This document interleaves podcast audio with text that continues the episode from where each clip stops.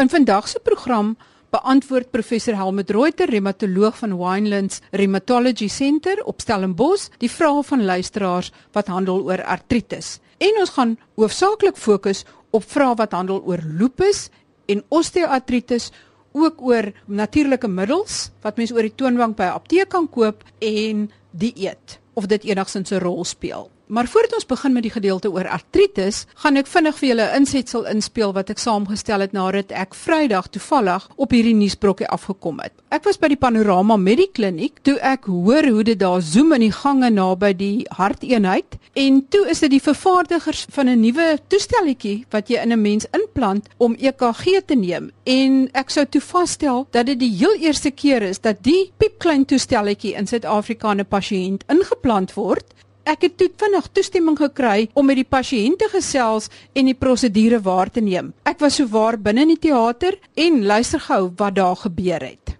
Dit het presies 37 sekondes geneem vir dokters in Kaapstad om mediese geskiedenis te maak. Dr Razin Gopal en sy span van die Kaapstad AF Senter, gesetel in Medikliniek Panorama, het pas ver oggend die eerstes buite Amerika en Europa geword om 'n piepklein en nuwe EKG monitoringsskyfie in 'n pasiënt in te plant deur dit letterlik onder die vel op die borskas in te spuit. Die skyfie is dunner as 'n potlood en so lank soos 'n vingerlid en is in 'n baie vinnige prosedure in mevrou Esther Esterhuizen 55 van Beaufort Wes ingeplant om haar hartritme te monitor Sy gaan nou na die prosedure huis toe en sodra sy voel sy kry weer hartklopings, aktiveer sy net bloot die sein en dan kan die dokter op 'n rekenaar sien hoe die simptome en die defek ooreenstem, 'n akkurate diagnose maak en dit behandel.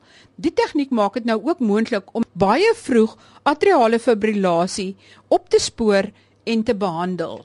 Dokter Gopal, jy het pas weer mediese geskiedenis gemaak. Vertel ons 'n bietjie meer daarvan. Ja, dit is weer eens uh, een van die eerste uh, implantering van sy soort. Hierdie is 'n inspuitbare tipe EKG wat uh, onderhuids geplaas word. Dit vervang die uh, vorige sogenaamde loop recorder en die die naam van die nuwe toestel is uh, die link uh, recorder. Uh, daar is verskillende voordele. Natuurlik die eerste is hy's eintlik ontsettend klein, baie maklik om uh, te implanteer. Veroorsaak ook vir die pasiënt baie minder ongemak as die vorige toestelle wat beskikbaar is. Monitering uh, vir aritmie is eintlik die hoofsaaklike punt van die diagnose want as ek eintlik die ritmestonus kan vasstel en EKG daarvan kry, kan ek natuurlik die toepaslike behandeling uh, vir die pasiënt aanbied. Die belangrike hoogtepunte van hierdie toestel is 'n aktiveerder, so die pasiënt sodra hulle die hartkloping voel, sal dan die uh, toestel eintlik aktiveer deur middel van 'n um, 'n uitwendige apparaat sodat dit eintlik daai spesifieke tydperk sal um, sal merk en ek sal dit dan natuurlik sogenaamde wireless kan ondervraag die eerste implantering uh, aan al van die genoemde sogenaamde emerging markets so natuurlik is Afrika, Midde-Ooste, uh, Rusland, China, Brasilië, verskeie lande op, op verskillende kontinente. Dink 'n paar is al natuurlik uh, soos gewoonlik in die Verenigde State en ook in uh, Londen geïmplanteer tydens die ondersoekgedeelte van die nuwe toestel die groot voordeel natuurlik is die die langdurigheid van die monitering want hier kan jy eintlik eh, die pasiënt tot min of meer 3 jaar moniteer en 'n halter eh, ja dit neem 24 uur 48 uur en dit mag wees dat tydens die terapie van die halter dat die pasiënt nie die simptome kry of die hartklopping nie en dan kan jy dit nie uitskakel nie. In my persoonlike mening sal hierdie klein baie baie maklik implanteerde toestelle die manier wees waar ons eintlik aritmie gaan diagnoseer in die toekoms waar die EKG vir ons niks wys nie. Dit is wat mevrou Esterhuizen te sê gehad het voor die prosedure. Ek is Esther Esterhuizen van Beaufort Wes. Wat was jou eerste simptome? Hoekom het jy in die eerste plek dokter toe gegaan? Ehm um, ek het hartklopings gekry. En dit het baie erg geraak. Ek het regtig gedink kyk as hier skop ek nou die emmer, dis nou daai tyd. Medikasie, ek was nou op twee verskillende medikasies, het al twee ongelukkig neeweffekte gehad. So die uiteinde was ek daar moes iets anders te gedoen word. En so gesels mevrou Esterhuizen na die prosedure. Ek voel uitstekend. Daar's niks seer of ongemaklik of enigiets nie. Dit voel of ek kan opstaan en na huis toe gaan. Ja, ons sê baie sterkte aan Esther Esterhuizen en sy's 'n gereelde RSG luisteraar. Nou oor na artritis. En die eerste vraag is van Anina De Waal. Sy wil basies weet watter tipe artritis het haar ma en na watter soort dokter kan haar ma gaan. Ek lees vinnig wat sy geskryf het. My ma is 72 jaar oud en ly al die afgelope 12 jaar of langer aan artritis. Ons is nie seker watter soort nie, maar dit het, het begin by haar hande waarvan die litte baie ernstig opswel en pynlik is. Ons merk nou dat sy rug en knieprobleme optel, asook dat haar voete snaakse beenerigheid vertoon. Sy word ook volgens ons al kleiner en begin nou vooroorloop. Haar pyn is nog nie onuithoudbaar nie, maar aangesien sy graag loop en dan ook pyn verduur, wil ons net graag vir haar dinge makliker maak. Sy was reeds toe sy van die toestand bewus geword het by baie dokters, algemene praktisyns asook ortopede wat almal vir haar gesê het dit is 'n toestand wat onomkeerbaar is en dat niemand iets vir haar kan doen nie. Nou wil ons graag weet na watter tipe dokter moet sy gaan en of daar wel nog hulp is vir haar. En dit is dan Anina de Waal wat graag navraag doen namens haar ma Susan van Emmenis. Anina, baie dankie vir jou vraag. Ek sal dit sommer gou antwoord sodat dit vir almal betekenisvol sal wees. Die vinnige antwoord is dat ek dink dat jou ma waarskynlik osteoartritis het en ek sal jou gou sê hoekom ek dink dat dit osteoartritis is. Dis 'n siekte wat omtrent op ouderdom 60 jaar begin het. Dis die mees algemene ouderdom vir 'n kroniese degeneratiewe siekte soos osteoartritis. Dit het in die vingers begin en daar knoppe gevorm. Uh, ons weet dat dit baie klassiek is in osteoartritis dat daar benige uitstulpsels is, die sogenaamde osteofiete wat dan die verdikkings in die vingers gee as dit in die voorste lid is, dit is die distale lid, nou moet dit Heberdin synodes, as dit in die proximale lid is, nou moet dit Bouchard synodes en dit is iets wat baie klassiek voorkom, simmetries vingers aan albei kante min of meer dieselfde aantas. Verder het sy rugaantasting Nou daar's twee verskillende vorms van artritis waar jy rugaantasting en handaantasting kry. Die spondyloartritis hoe kan dit doen? Maar dit begin gewoonlik voor die ouderdom van 25. So dit is nie 'n siekte wat ons eers sou dink sou met 60 begin nie. En ons weet dat osteoartritis tas al die kraakbeen aan. So die kussinkies tussen die wervels is dan ook kraakbeen, so daar kan verwering wees van die kussinkies, daar kan ook benige uitgroeisels vorm van die wervels, weer eens osteofiete en dit kan dan dikwels tot pyn in die wervelkolom gee. 'n Persoon buig dikwels vorentoe omdat dit meer gemaklik is, omdat daar minder pyn is en dit is dan ook die rede hoekom in ankylosierende spondylitis of osteoartritis van die rug die mense dikwels vooroor buig. Knoppies in die tone sou ook osteoartritis kan wees. En ek dink dan ook dat sy die verskillende dokters gesien is wat almal gesê het, luister mevrou, ons dink jy het 'n siekte wat ons nie baie kan doen nie. As hulle gedink het dat dit ankylosierende spondylitis of jeug byvoorbeeld sou wees, daarvoor sal 'n mens baie kan doen. Maar as dit 'n degeneratiewe siekte is wat 'n benige uitstulpsels is, kan jy relatief min daaraan doen. So dis hoekom ek dink dat die mees waarskynlike diagnose osteoartritis is. Ek wil net sê met iemand wat korter word, wat vooruit buig, daar is drie verskillende redes wat daartoe kan aanleiding gee dat 'n persoon korter word. Die een is net postuur, dit kan 'n rede wees. Die tweede is dat die kraakbeen minder word, soos met osteoartritis. So as jy by 20 verskillende kussentjies 'n halwe sentimeter verloor, dan verloor jy 10 cm. Selfs is ook dat die kraakbeen in die enkels minder word, die kraakbeen in die knie minder word, kraakbeen in die heupe minder word. So daar's baie verskillende vlakke waar daar kraakbeenverlies kan wees wat dan aan die einde aanleiding gee dat 'n persoon korter word. En dan die derde metode hoe mens korter kan word is dat die been minder word en dit is die spesifieke ding wat ek dink wat mense wel nog na wil kyk in jou ma is of daar nie ook osteoporose by is nie. Nou osteoporose sal nie knoppies gee nie, osteoporose sulks gee ook nie pyn nie. Osteoporose beteken net dat 'n verswakking van die strukture van die been, onder andere ook die strukture van die wervels en die wervels kan dan saamval. Hulle word platte en klassiek val hulle voor eerder plat as agter en dit gee dan verder aanleiding tot die vorentoe buig met die vorentoe buig word daar weer meer krag op die voorpunt van die wervel geplaas en kan die volgende wervel ook aan die voorkant plat val. So ek dink met die korte word vorentoe buig is dit belangrik dat die mens net uitskakel dat daar nie osteoporose is nie. Mens doen 'n beendigtheidsmeting en mense ook kan kyk na 'n ekstraal van die wervelkolom om te kyk is daar net kraakbeenvernietiging of is daar ook benige skade en is daar enige tekens van osteoporotiese wervel vir frakture? En met die beendigtheidsmetings kan jy vasstel is die beendigtheid verlaag, is dit normaal of is dit baie erg verlaag? En dan sou mens dit kan behandel om te voorkom dat daar verdere frakture plaasvind. So dis 'n belangrike punt in jou maag oor die behandeling. Ek sê altyd mense kan altyd help. Daar is nie 'n persoon vir wie jy nie kan help nie. Ek dink die eerste belangrike ding is om 'n duidelike diagnose te maak en dit te verduidelik dat mense verstaan waaroor gaan dit en wat beteken dit en wat is die redes vir die veranderinge. Die tweede is daar is pynstillers wat gebruik kan word en daar is 'n hele verskeidenheid van pynstillers wat gebruik kan word. Ons begin gewoonlik met Panado of paracetamol Daar is antiflatoriese middels wat vir kort tye gebruik kan word.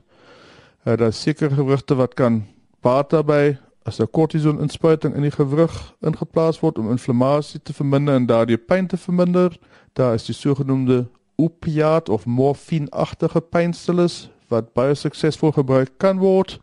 Daar is altyd hulp in opsigte van pyn en daar is werklik daar is meer as 10 verskillende klasse pynstillers. As daar op sinewees gedruk word, sal daar spesifiek iets gedoen kan word, daar sekere middels wat sineweepyn verbeter.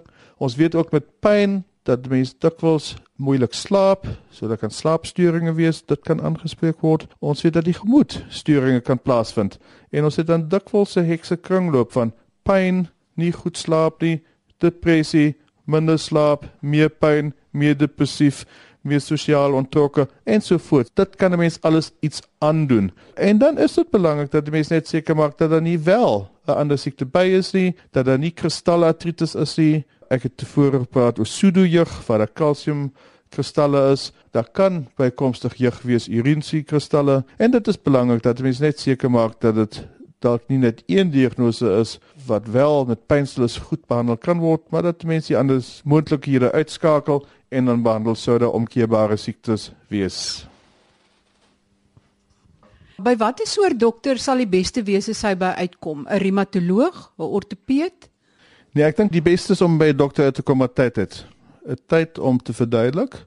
Dit mag soms 'n reumatoloog wees om vas te stel of dan die ander tipes artritis ook by is nie, maar ek dink soms is 'n goeie algemene praktisyn die beste antwoord en ek dink die belang is om te sê dat wat die probleem is dat mens wil gesels daaroor en dat mens albei ander mense was en dat mens as gevolg daarvan net weer daaroor gesels. Dit is so dat dit soms nie vinnig kan wees nie en so dis hoekom ek sê die beste dokter om na te gaan is 'n dokter wat baie tyd het maar dit is 'n bietjie tong en kies. Ek dink die algemene antwoord sou wees as jy by persone was, jy het 'n artritiese probleem, uh, daar is nie duidelike oplossing nie, dan is 'n reumatoloog is die aangewese persoon om te sien. Juis omdat reumatoloog spesiale opleiding het in die verskillende dinge wat ek nou genoem het, kristallartritis, osteoartritis, osteoporose en ook die samehang tussen die verskillende dinge. Reumatoloog moet dikwels ook depressie hanteer, pynsindrome hanteer, uh, en is baie gewoond daaraan om lange konsultasies te doen. Dit is 'n voordeel as jy by 'n reumatoloog sou kon uitkom. Dan is daar 'n vraag, meer as een vraag oor lupus. Die een wil graag meer inligting hê oor lupus en die ander vraag is oor lupus en osteoartritis en goedkoper middels. En dit is van Annetjie Erasmus van Uitenaag. Ek is 'n ruk terug gediagnoseer met lupus en nou kan ek verstaan hoekom ek so baie probleme het. My vingers is geopereer, my rug is geopereer en nou moet ek al twee knievervangings kry. Die spesialis het aan my gesê my skouers en elmboë sal ook ingee as gevolg van osteoartritis. Ek gebruik op die oomblik Dona 750. Dit het verskriklik duur geword. Is daar ander goedkoper maar doeltreffende middels. Ja, Annetjie, ek dink ons moet daarna kyk dat jy ten minste twee siektes het. Die een is osteoartritis en osteoartritis is die siekte wat vir jou die kraakbeenskade gee en dit is nadat mediese behandeling gefaal het om jou die nodige pynverligting te gee en goeie funksie te gee, is 'n gewrigsvervanging of 'n chirurgiese ingreep presies die regte ding te doen vir osteoartritis. Vandag is daar fantastiese moontlikhede om skouers te vervang, elmboë te vervang, heupe te vervang, knieë te vervang, enkels te vervang en selfs vingergewrigte te vervang. So dit is heeltemal reg dat osteoartritis is 'n progressiewe siekte waar in sekere mense die kraakbeen meer progressief en erger vernietig word as in ander persone en dat dit soms nodig mag wees om meer as een gewrig te vervang. Dit is altyd moeilik om te weet wat is die beste tyd vir die gewigsvervanging. Ons weet dat 'n uh, vervangde gewig ook nie vir altyd kan hou nie. So dit is belangrik dat mense baie goeie balans handhaaf van funksionaliteit, pynverligting en op die regte tyd die regte gewrig te vervang. Sistemiese lupus erythematosus is 'n outoimmuun siekte wat artritis kan gee. Dit lei selde tot erge vernietigende gewigsiekte. So lupus is selde verantwoordelik dat gewigte vervang moet word, maar dit kan gebeur. So ek dink dat mens nie moet dink dat die lupus noodsaaklik die oorsaak is van die kraakbeenvernietiging en die rede nou vir gewigsvervangings nie. Die diagnose van lupus het altyd 'n kliniese komponent en dan sekere laboratoriumsondersoeke wat gedoen moet word. Die diagnose kan gewoonlik net dan gemaak word as daar 'n positiewe antiliggaam toets is, die sogenaamde antinukleêre faktor en of 'n dubbelstring antiliggaam, double stranded DNA antibody, en dat dit ten minste twee of drie verskillende organe ook siekte wys. Mag die vel wees, mag haarverlies wees, seer in die mond wees, artritis wees, aantasting van die buitenste beleining van die longe of die hart, sogenaamde sinusitis, perikarditis of pleuristisse aantasting en dan die niere wat dikwels aangetast kan word of die brein waar daar erge depressie mag wees of epileptiese aanvalle. As ons na lupus kyk byvoorbeeld in middelproewe dan kyk ons na 98 verskillende toestande wat mag vererger of wat mag voordoen en dis hoekom dit dan sistemiese lupus genoem word omdat dit sistemiese siekte is in al die organe kan aantas. Maar ons kyk byvoorbeeld nie na kraakbeenskade as deel van dit nie. So ek neem aan dat iemand die diagnose gemaak het, waarskynlik weens 'n bloedtoets. Ek wil hier ook net sê dat nie almal wat 'n positiewe antiliggaamtoets het vir lupus noodsaaklik lupus het nie. So ons sien heelwat mense wat 'n positiewe antinukleêre faktor toets het sonder dat hulle lupus het, hulle het net die antiliggaam. Waar as die dubbelstring DNA positief is, dan beteken dit gewoonlik dit is wel lupus. Ons moet ook onthou dat sekere medikasie lupus kan veroorsaak. Daar is byvoorbeeld van die ouer tipe bloeddrukmiddels wat nou baie min gebruik word, maar hydralazine byvoorbeeld, prazosin wat lupus kan veroorsaak, daar seker antiepileptiese middels wat lupus kan veroorsaak, daar seker van die anti-TB middels wat lupus kan veroorsaak en die lys is meer as 50 middels lank wat al geassosieer is met lupus. En dan dikwels deur die middel te stop kan die lupus dan binne 6 maande opklaar. So dit beteken ook nie dat dit altyd 'n siekte vir die lewe is nie, maar dit kan soms 'n kortsondig minder as 2 jaar lange siekte wees wat behandel word soos enige vorm van lupus, maar wat die ontdekking van die middel wat dit veroorsaak het, kan die lupus dan weer opklaar. Die middel Dona 750 is 'n glikosamin. Uh, glikosamin is vir lang tyd gebruik as een van die middels wat dalk kraakbeenskade kan vertraag. Uh, daar is studies gedoen wat gewys het dat in mense met redelik ernstige osteoartritis van die knie dat dit die pyn verbeter. Daar is aanvanklik ook studies gewees wat gewys het dat die kraakbeenskade op radiologiese beelding vertraag kan word. Die nuutste stand van sake is dat reumatoloë nie meer glo dat glikosamin 'n belangrike rol speel in die behandeling van osteoartritis nie en dat dit werklik net in die persone wat 'n duidelike verbetering van simptome gekry het na 'n maand langer gebruik dat hulle daarmee kan voortgaan en dat hulle na 6 maande weer kyk of die pyn vererger as hulle die middel sou stop. So ek persoonlik skryf nie glikosamin voor nie alhoewel ek wel pasiënte het wat baie duidelik pynverligting gekry het nadat hulle begin het uh, om glikosamin te gebruik. Daar is waarskynlik goedkope vorms van glikosamin as die Dona 750. As u graag sou wil voortgaan met 'n glikosamin, sou ek na apteke toe gaan of na gesondheidswinkel net om te kyk wat die verskillende prysklasse is. Die aanvanklike studies wat suksesvol was was met glikosamin sulfaat gedoen en die totale daaglikse dosering wat effektief was was 1500 mg. Dit sou beteken 2 Dona 750s of enige ander vorm van glikosamin sulfaat 1500 mg daagliks. Maar die vinnige antwoord is dat op hierdie stadium die medies wetenskaplike bewyse vir glikosamin baie swakker lyk as wat dit 10 jaar gelede was. Daar moet ook gesê word dat in die Verenigde State van Amerika en Europa wel tot 50% van mense met osteoartritis wel glikosamin sulfaat gebruik en dat dit baie aggressief bemark word en dat almal iets wil doen vir die siekte waarvoor daar andersins nie baie gedoen kan word nie en dat ons vinnige respons is ek het iets vir jou wat jou dalk kan help gebruik die glikosamin. Daar is egter nie baie sterk wetenskaplike basis daarvan nie en dieselfde geld dan ook vir ander middels wat oor toonbanke beskikbaar is.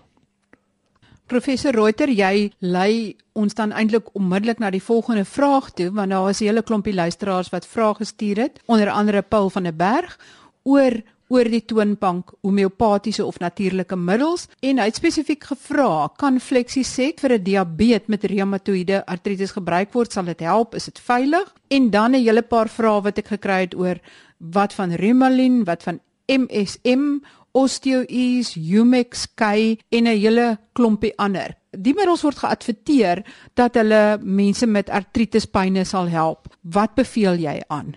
Ek word elke dag deur my pasiënte gevra wat kan hulle doen en die antwoord is dat ek nie weet wat van hierdie middels werk en wat van hierdie middels nie werk nie omdat daar nie goeie studies gedoen word om presies aan te dui hoe effektief hierdie middels is, wat is placebo effek en wat is werklike effek.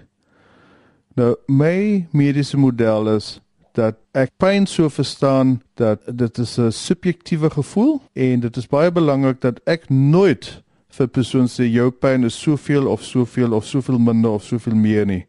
Ek luister altyd na die pasiënt en dit is die pasiënt se eie evaluasie van pyn wat die belangrikste is. As daar 'n middel is wat oor die toonbank verkoop word en dit verlig pyn, dan is dit uiteraard iets wat ek sal ondersteun. Want ek weet dat van die middels wat ek voorskryf wat wel wetenskaplike basis het, soos anti-inflammatoriese middels, kan baie gevaarlik wees.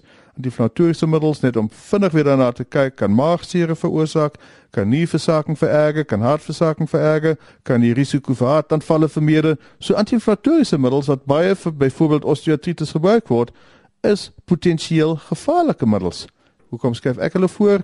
Omdat ek eers gekyk het wat is die bloeddruk, ek kyk wat is die nierfunksie, ek neem 'n goeie geskiedenis, is daar maagseer teenwoordig of nie en dan kyk ek na die graad van die inflammasie, die pyn van die osteoartritis en my advies sal wees om dit so min moontlik te gebruik, maar dat dit wel baie goed kan wees om lewenskwaliteit te verbeter. As 'n pasiënt vir my sê dit het nie gewerk nie, dan sê ek wonderlik, stop dit, want dit dan definitief ook skade doen. So as iemand na my toe kom en sê ek het Flexisek gebruik, dit is iets wat ek aansmeer aan my gewrigte en dit is wonderlik, dan sê ek dit is fantasties.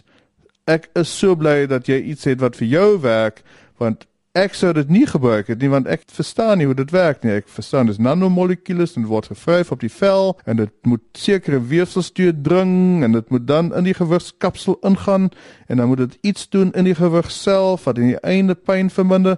Ek verstaan nie hoe dit werk nie. Ek gebruik dit nie. Ek verkoop dit nie in my praktyk nie. Ek sal nie mense aanbeveel om dit te gebruik nie. Maar as dit vir iemand werk, dan is ek opgewonde saam met die persoon.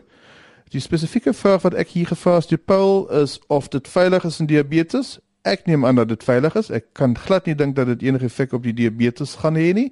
As dit pyn sou verlig en dit sou werk dat die persoon meer aktief kan wees, dan sal dit voordelig vir die diabetes ook wees. Die vraag is of dit in reumatoïde artritis gebruik kan word. Weereens die spesifieke bemarking gaan oor osteoartritis. Nou ons weet dat 'n langstaande reumatoïde artritis is daar altyd sekondêre osteoartritis. Osteoartritis beteken karpienskade addisionele beengroei, bietjie abnormale beleining van die gewrig, dis osteoartritis. So Daar is nie bewys dat Flexisek vir reumatoid artritis werk nie. Doen dit skade nie? Ek dink dit doen definitief nie skade nie. Ek dink daar's 'n paar ander dinge wat definitief ons weet dat anti-inflammatoriese middels wat ingevry word kan help. Uh, ons weet dat capsaicin, dis peperbasis, as dit oorgewigte gevry word, dit het effek op pyn. Ons weet dat in Mpumalanga dames was wat kondome gebruik het, die smeermiddel van die kondoom oor hulle gewigte gesmeer en ook gevind het dat dit help. So ek dink dat die meganiese aksie van oorgewig wryf dat dit in sekere mense wel die pyn verlig dink is die hoop, die gevoel ek kan iets doen, hier word iets gedoen wat wel help.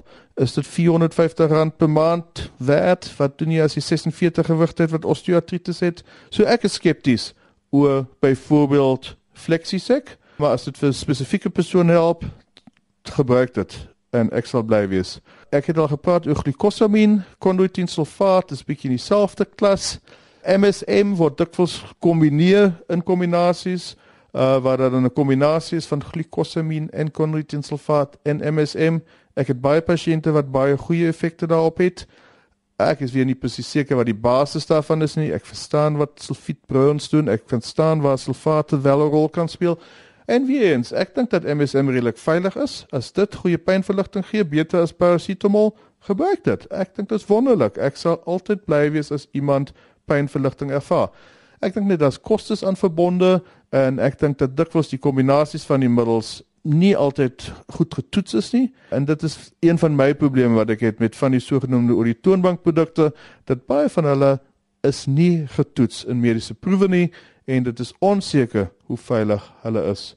Ons kan 'n lang lys voortsit van osteoease en van Humexkay en Rumelin en ek sou omtrent 'n soortgelyke antwoord vir die meerderheid van hierdie middels gee. So wat is veilig? Wat weet ons kan werk? Ons weet dat omega-3 visolies het 'n anti-inflammatoriese effek en dit is bewys en dit is weer spesifiek vir reumatoid artritis bewys, nie vir osteoartritis nie, maar dat dit wel styfheid van gewrigte, oggendstyfheid, swelling en pyn kan verbeter nadat dit vir minstens 6 weke lank gebruik is.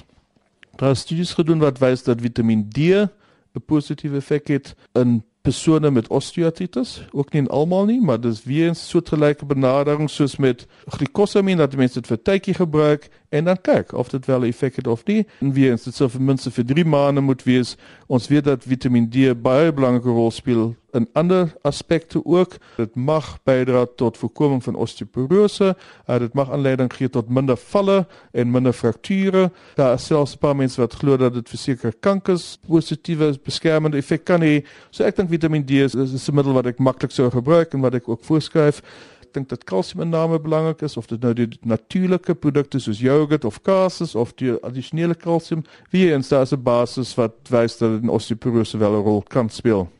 Daar is sekere ander olies wat belangrike en gesonde olies mag wees, neute, avokado uh, en ander. So ek dink daar is 'n definitiewe plek vir Ek weet dat baie van my pasiënte verbetering van simptome kry nadat hulle minder stysels, minder suikers inneem en weer eens as dit vir 'n persoon werk, sou ek dit definitief ondersteun. Ek weet dat dit vir die metabooliese siektes wat veral met mense wat ook soms kortison gebruik, besonder aanbeveel moet word om so min stysel en suikers as moontlik te gebruik. As dit bykomstige voordele het vir die artritispyn, dan is dit absoluut wonderlik en sal ek dit ondersteun.